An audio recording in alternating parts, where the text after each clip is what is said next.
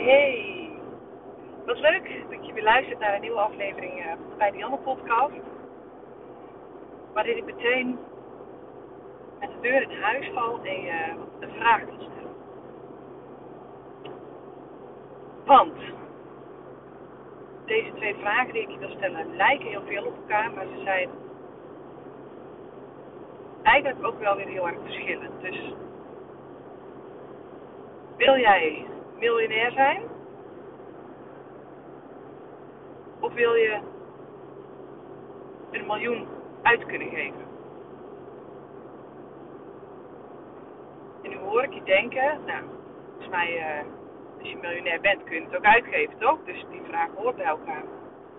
Ik ben er dus van overtuigd dat die twee echt mijlenver bij elkaar vandaan staan. Want om het één te kunnen doen, hè, 1 miljoen uit te kunnen geven, zul je eerst miljonair moeten worden. Maar wil je wel miljonair worden? Om iets te worden moet je iets doen. En om iets te kunnen doen, moet je, om iets te zijn, moet je iets doen en moet je iets worden. Moet je dingen laten, daar moet je iets voor doen. Hè. Sommige mensen moeten er heel veel voor doen, sommige mensen doen er heel weinig voor. Ik bedoel, kunt heel veel mazzel hebben en een paar hele goede NFT's kopen, bijvoorbeeld. Ik noem een paar hele simpele voorbeelden. Maar wil je miljonair worden of wil je miljonair zijn? Om het je nog even een stukje ingewikkelder te maken. Ik weet namelijk dat heel veel mensen, als ik jou de vraag nu face-to-face zou stellen, zou je miljonair willen zijn? Dan, ja, heel veel mensen zullen dan, ja, ja, dat wil ik wel. Wat maakt nou datgene waarom jij zou zeggen, ja, ik zou wel miljonair willen zijn? Is dat om zoveel geld te hebben? Of is dat om uh, bepaalde status? Of is dat omdat je met 1 miljoen of meer, hè, met een miljoen, uh, dingen kunt doen die je nu niet kunt doen? En wat is dat dan? Wat is dan wat jij wel wil, maar nu nog niet kunt doen?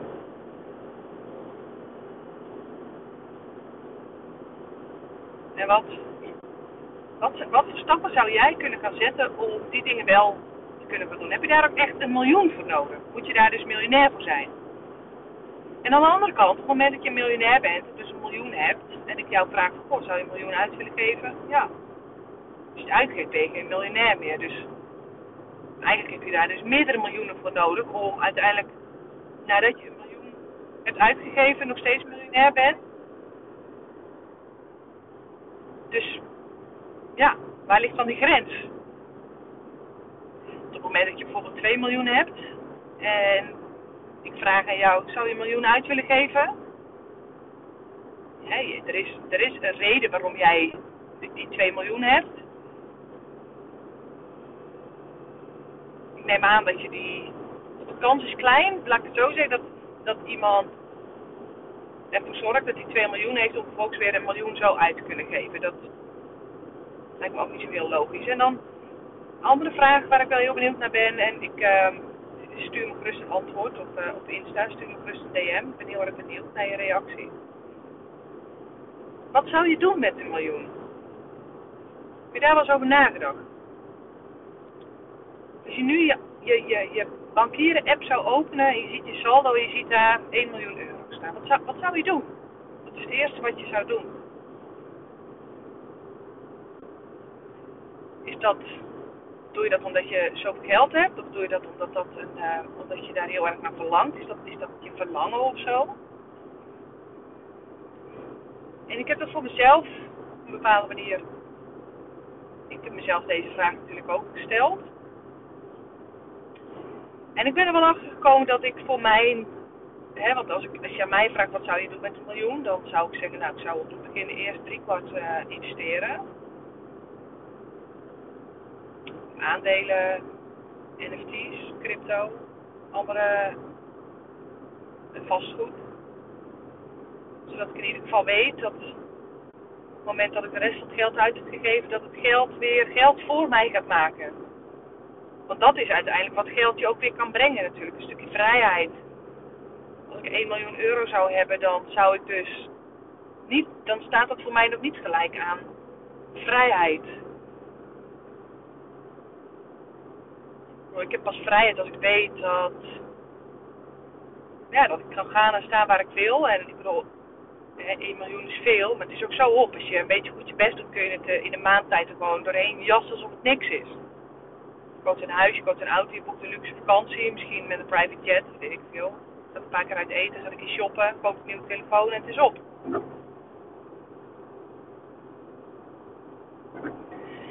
Ja, hoeveel geluk heb je daar dan uitgehaald? Hè? Hoeveel voldoening heeft het je dan gegeven? Is dat echt wat je wilt? Is dat echt waar je diep van binnen echt van denkt, ja. En ik had een gesprek vanmorgen met mijn, mijn coach. Wat is je omzetdoel? En ik zei, nou, dit is mijn omzetdoel. Ja, zegt volgens mij kan het ook wel een stukje lager. Lager of zo, lager? Ja, zegt ze, wat ga je doen met zo'n geld? Wil je jezelf uh, eh, 10.000 euro salaris per, per maand betalen? Nou, nou, lijkt mij wel een heel vrij ik denk wel dat het mij heel veel vrijheid op zou leveren als ik mezelf 10.000 euro per maand zou uitbetalen.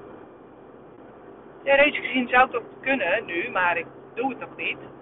Omdat ik daarvoor nog te veel kosten maak in mijn bedrijf. Omdat het nog niet comfortabel voelt. Ik bedoel, 10.000 euro salaris voelt voor mij echt wel... Uh, voelt voor mij nog niet comfortabel. Ik zou het wel heel graag willen, omdat ik wel weet dat... Hè, dat maakt het voor mij wel mogelijk om meerdere keren per jaar met mijn kids op vakantie te kunnen gaan. Of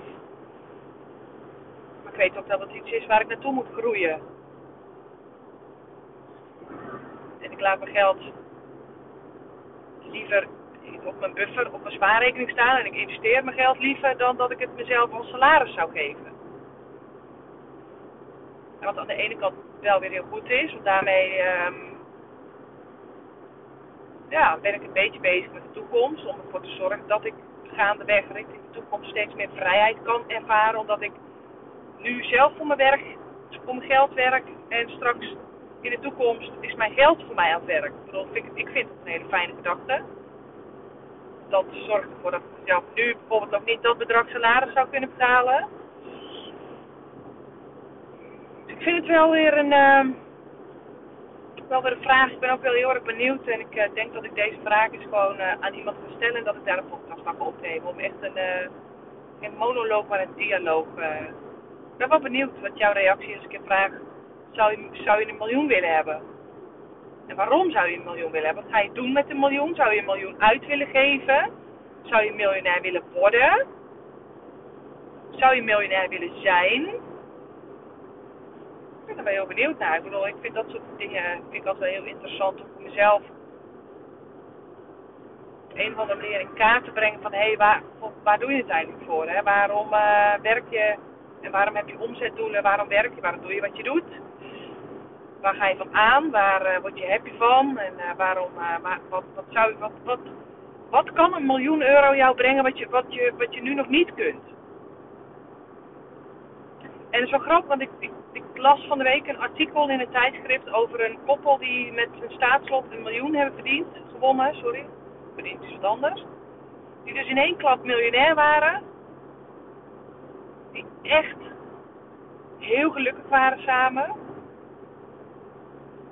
Maar aan het eind van het jaar waren ze wel uit elkaar. Dan denk ik van joh, zouden die mensen ooit ook de droom hebben gehad om miljonair te worden? En wat maakt dan dat dat geld ze niet nog gelukkiger heeft gemaakt? Hè? Dat, uh, dat fascineert mij wel. Dan denk ik van hé, hey, hoe kan dat nou? Je, je hebt ineens de wereld ligt aan je voeten, zou je dan denken.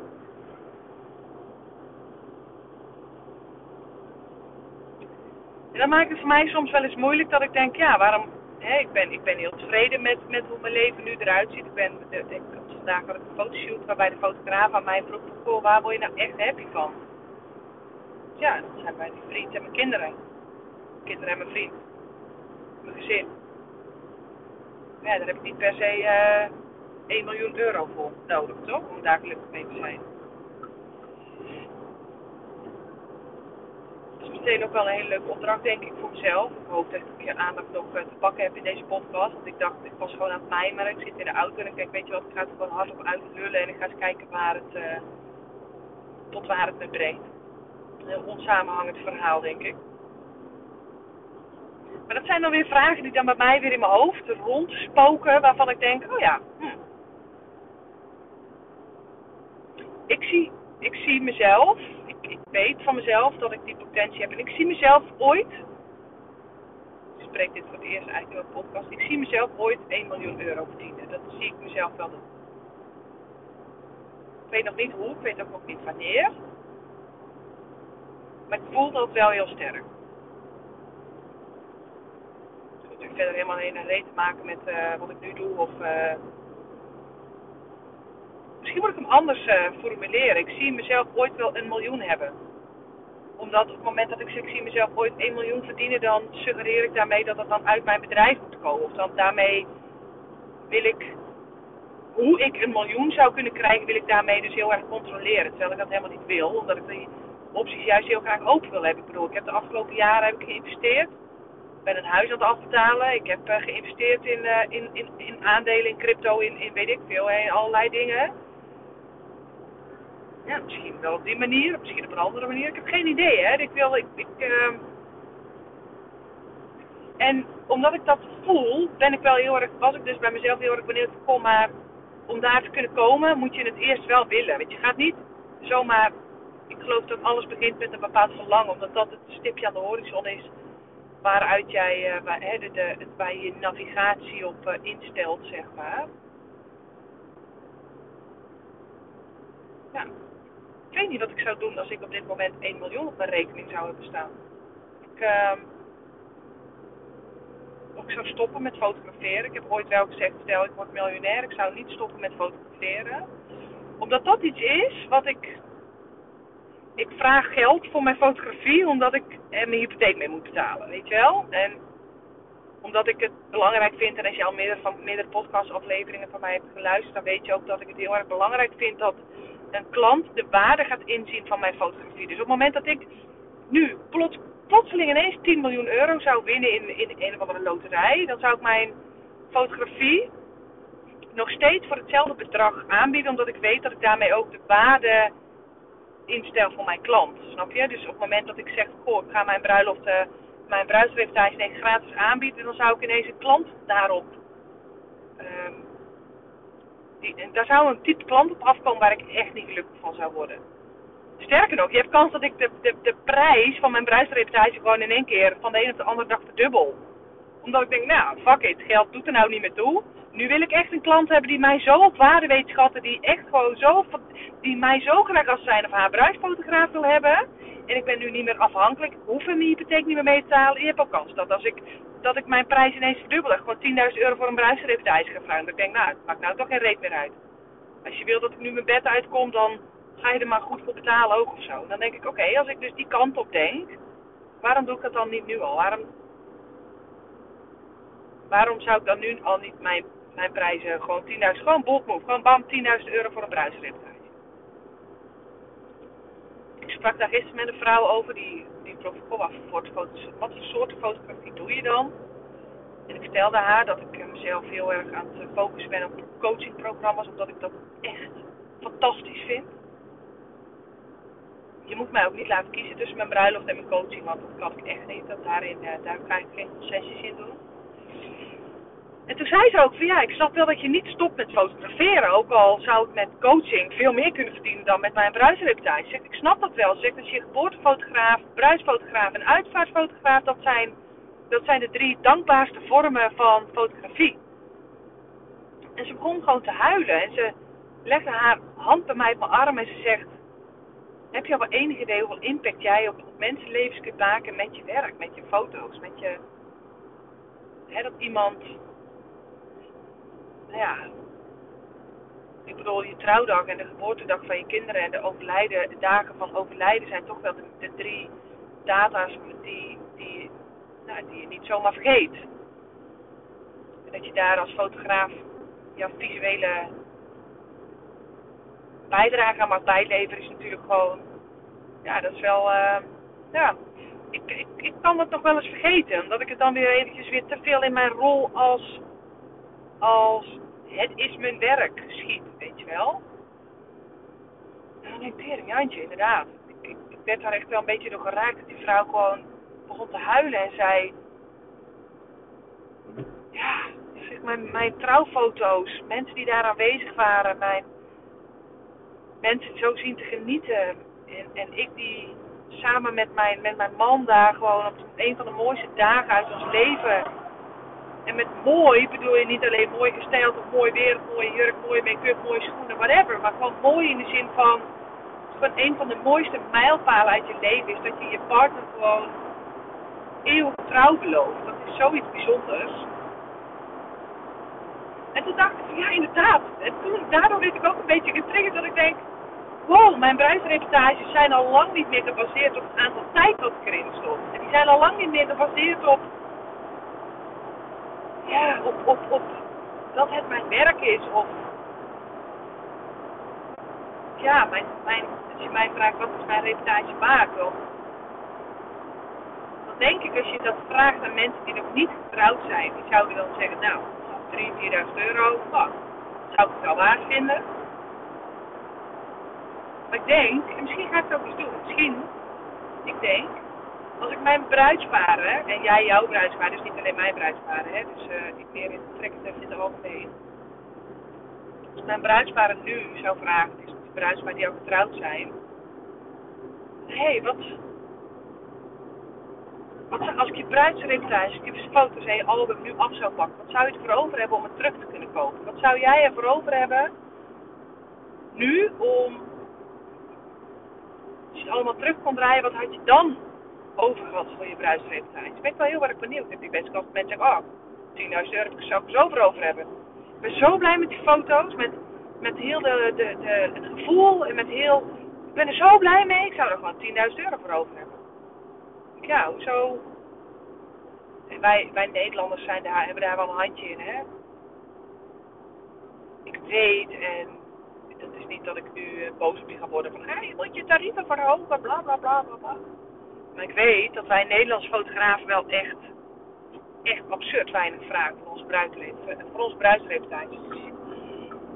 Dus een ander mooi voorbeeld daarin, ik ga even van de hak op de tak, is, ik was ooit op een bruiloft samen met, met mijn vriend en daar spraken wij een, een videograaf koppel. die hebben, mij, die hebben mij zo anders laten kijken naar, naar het werk wat wij doen. Wij kregen namelijk een crewmaaltijd op die locatie. En dan heb ik het over een poepchic locatie. Heb ik het over de high-end locaties van Nederland. Echt. Echt locaties waar zelfs een crewmaaltijd gewoon 90 euro kost. En dan heb je niks. Dan heb je een, deel van het voorgerecht. En ik weet ook dat het bruisbaar en de gasten gewoon echt gewoon een, een, een nou, volgens mij een elf gangen diner volgeschoteld hebben gekregen. En dat wij als crewmaaltijd een deel van de hoofdgerechten. En in eerste instantie had ik zoiets van, wow, ik voelde me echt een beetje de koning bereikt. Ik dacht oh, nice. Hè, dus ik krijg geen spaghetti om een of andere slappe hap friet volgeschoteld. Het was gewoon een lange dag. En we zaten aan tafel en ik weet dat die videograaf, die riep iemand van de bediening terug. Hij zegt, ik sta hier 14 uur lang op mijn benen. De mooiste dag uit iemands leven te filmen. Dan is dit wat ik te eten krijg. Hij zegt, ik offer mijn weekenden op voor mijn bruidsparen. In het weekend had ik ook met mijn vrouw super luxe uit eten kunnen gaan. Maar ik heb ervoor gekozen om hier met mijn vrouw op dit moment aanwezig te zijn. En dan is dit wat het bruidspaar met jullie heeft afgesproken dat dit onze maaltijd gaat worden. Ik denk het niet, zegt hij. En ik weet nog dat ik, en dit gaat echt over een paar jaar terug, hè. Ik weet nog dat ik met open mond naar die videograaf zat te kijken en dacht, oh shit, jij bent toch hè? Ik bedoel, we krijgen hier gewoon een poepziek gerecht volgeschoteld. En in de auto naar huis had ik het daarover met mijn vriend. En ineens viel bij mij het kwartje. What the fuck? Je hebt gewoon fucking gelijk. Ik offer gewoon 26 weekenden per jaar. Offer ik op voor mijn bruidsparen. Familieborrels, familiebarbecues. Kerstavonden. Vakanties. Voorjaarsvakantie, herfstvakantie, zomervakantie. Ik offer ze op voor mijn bruidsparen. Waarom in vredesnaam zou ik nog genoegen nemen met een bord spaghetti als crewmaaltijd? Ik bedoel, hallo. En ineens viel het kwartje bij mij dat ik denk, inderdaad, weet je wel, kosten nog moeite worden gespaard. En vooral als ik ga kijken, jongens, hey, ik heb geen 9 tot 5 job, hè. Ik ben niet van, van maandag tot met vrijdag beschikbaar. Nee, ik offer mijn hele weekend op. De weekenden waarop mijn kinderen niet op school zitten, maar vrij zijn, is mama aan het werk. Meer dan de helft van het jaar. En dan is het in mijn situatie ook nog eens dat ik mijn kinderen de helft van het jaar niet bij mij thuis zijn, maar bij hun vader. Waarop de weekenden met mijn kinderen dus heel erg waardevol zijn, want die, die zijn er gewoon niet veel. Ja, ik, ik kan ook de keuze maken om inderdaad in het weekend met mijn kinderen gewoon in een heel fijn restaurant te zitten eten. Omdat ik het mezelf waard vind, omdat ik het mezelf kun. Omdat ik het mijn kinderen mee wil geven, omdat ik denk, ja, inderdaad, in het weekend dan kan ik gewoon die keuze maken. En ik maak die keuze door in het weekend mijn dienstbaar op te stellen voor iemand anders. Zou ik dat ook nog doen als ik ineens 10 miljoen euro zou winnen in de loterij? Ja, want ik hou van mijn werk. En ik zie in dat wat ik doe heel waardevol is voor mijn klant. Heel eerlijk, ik zou het niet meer doen voor het bedrag waar ik het nu voor doe. En, en, en, en dan weet ik dat ik al niet een van de goedkoopste prijsfotografen ben.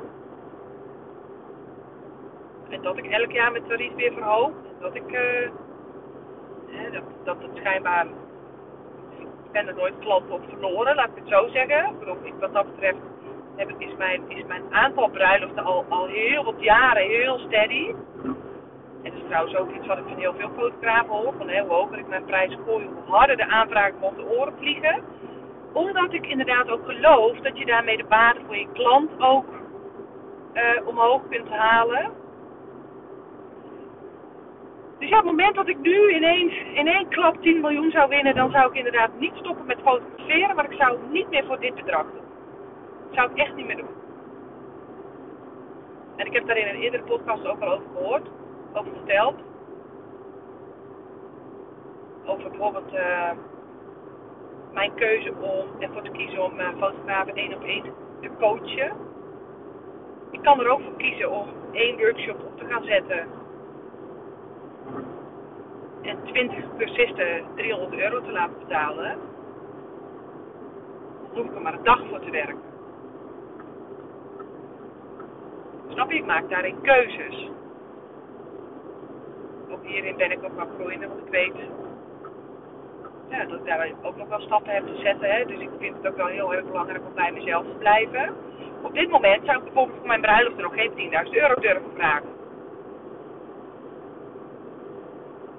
Niet omdat mijn foto's niet waard zijn, hè. Want ik, ben, ik vind echt wel dat mijn foto's waard zijn. En ik vind dat mijn tijd dat ook waard is. Ik vind dat mijn product en mijn dienst dat ook waard is. Dat vind ik echt, meen ik echt. Ik vind sowieso dat je als fotograaf echt duurder mag zijn dan dat de bruid voor de jurk heeft betaald. Ik heb dat ooit geleerd van mijn, van mijn oude mentor Damon Pijlman van Studio Damon. Die zei, ik ben er op een gegeven moment achtergekomen dat een bruid voor haar jurk betaalt. Dus snotverdorie! Ik betaal 3000 euro voor een trouwjurk en toen fotografeer ik nog een hele dag voor 2000 euro. Terwijl de jurk één keer gedragen wordt en daarna de kast ingaat. Of, of in een een of andere zak versloft op, uh, op, op, op zolder. En nooit meer, waar nooit meer naar omgekeken wordt. Dan denk ik, ja, je hebt gelijk.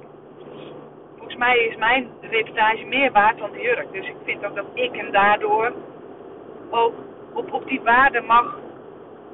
Hè, daar mag ik, daar, ik, ik bepaal zelf al een prijskaartje ik er aanhang. Dus ja, dan dacht ik, ja, verrek, je hebt gelijk. Dit is ook gewoon zo. Maar ik zou even terugkomen op dat verhaal. Ik zou mijn bruiloft er nu nog niet op 10.000 euro durven. Al heb ik trouwens vorige week van iemand, een fotograaf, een, berichtje gekregen. Die zei, zo, zo ga je niet gewoon jezelf nog verder specialiseren. Je doelgroep nog kleiner maken en wel voor 10.000 euro vragen. Er zijn bruidsparen die het gewoon betalen. Hè? Dat ik denk, oh ja, maar ik voel het nog niet. Ik geloof nog niet dat er bruidsparen zijn die dat betalen. Maar goed, als je mij tien jaar geleden had verteld, Dionne, er gaat ooit een bruidspaar zijn. Uh, heel even de grootste, het grootste offertebedrag wat ik ooit heb neergelegd tot nu toe. Dus wat het bruidspaar mij heeft betaald. Um, kan ik dat delen? Kan ik dat zo delen? Ik weet het niet. Het kan best zijn dat jij nu flauw valt en snel achterover valt. En het kan zijn dat je me nu heel hard uitlacht. Dat je denkt, wat fuck, uh, ik uh, draai alleen maar dit soort offertes. Ik weet natuurlijk niet. Oké, fuck it. Dat was 6300 euro. Mijn maximale bedrag wat ik ooit aan een, um, aan een bruidspaar, wat een bruidspaar ooit bij mij betaald heeft. En ja, aan de ene kant denk ik wel van ja, als ik nu die reputatie zie en wat ik geleverd heb en de albums en de oude albums en bladibladibladibla, denk ik ja, was, ik, ik, ik, ik voelde dat, ik sta daar ook volledig achter. En ik heb die offerte ook gewoon zonder te blikken of te blozen neergelegd. Dus ik denk oké, weet je wel, maar als ik, dat is niet wat ik gemiddeld draai. Ik, dat zou ik wel willen, maar ik ben daar nog niet. Ik heb daarin nog wel wat stappen te zetten. En dan denk ik van ja, als je mij nu bijvoorbeeld tien jaar geleden had verteld dat ik nu zo'n gemiddeld 35 tot 4500 euro aan één bruisbaar zou verdienen, had ik stijl achterover geslagen. Had ik, als je me toen had gezegd joh, dan moet je gewoon voor je, voor je bruiloft vragen, had ik je uitgelachen en had ik gezegd je bent hartstikke knettergek. Ik, dat, dat, gaat mijn faillissement uh, worden of zo, weet je wel. Dus ik weet ook dat het een, een groeiproces is. En ik, ik wil ook daarin in beweging blijven, mezelf uit blijven dagen. Ik wil comfortabel daarmee voelen. Dus ik verhoog mijn tarieven in die zin ook stelkens weer een beetje, klein beetje bij beetje. Wat net een beetje uit mijn comfortzone ligt. Dat ik denk, oh, als ik dan een prijs voor op gesprek heb, moet ik er wel echt gewoon. Ah, ik moet maximaal uit mezelf halen. Maar dat is voor mij dus wel een manier, en misschien werkt het voor jou helemaal niet. Hoor. Dat is voor mij wel een manier om mezelf in beweging te laten blijven. En om, om, om wel dat gevoel ook te krijgen, weet je wel. Dat ik denk, oh, oeh, deze vind ik wel spannend. Maar ja, ik heb dat bijvoorbeeld ook met mijn coachingsgesprek. Ik heb met mezelf ook afgesproken. Ik heb de eerste drie coaching uh, trajecten doe ik voor dit bedrag. En de, de, per, coaching traject daarna gaat gewoon 100 euro bovenop. Vind ik wel spannend. Maar goed, ik weet, ik heb inmiddels gewoon veel meer ervaring opgenomen. Want ik leer als een malle. Ik leer ook heel veel van mijn één op één cursisten. Van mijn één op één klanten. Ik vind ook, ik zei toevallig vandaag nog tegen mijn eigen, tegen mijn eigen coach dat ik um, in alle drie, de, de, coach, de fotograaf die ik op dit moment coach, in alle drie herken ik iets van mezelf. Dus dat is ook wel weer heel erg fijn om. En ik geloof ook dat dat de reden waarom ze bij mij terechtkomt. Omdat ze schijnbaar ook iets in mij herkennen in zichzelf. Of iets. Hè, dat we, we triggeren elkaar, laat ik het zo zeggen. Dat vind ik gewoon wel heel erg tof. Hoe dat je dat uh, bij je klanten doet. Ik merk dat bij mijn fotoshoot klanten en bij mijn bruiloft, bij mijn bruidsparen ook heel erg. En dat is vooral gekomen, jeetje, ik ga echt van de hak op de tak dat is vooral gekomen vanaf het moment dat ik gewoon durfde te zijn wie ik ben. Door te staan waar ik voor sta, door te geloven in wat ik geloof, door.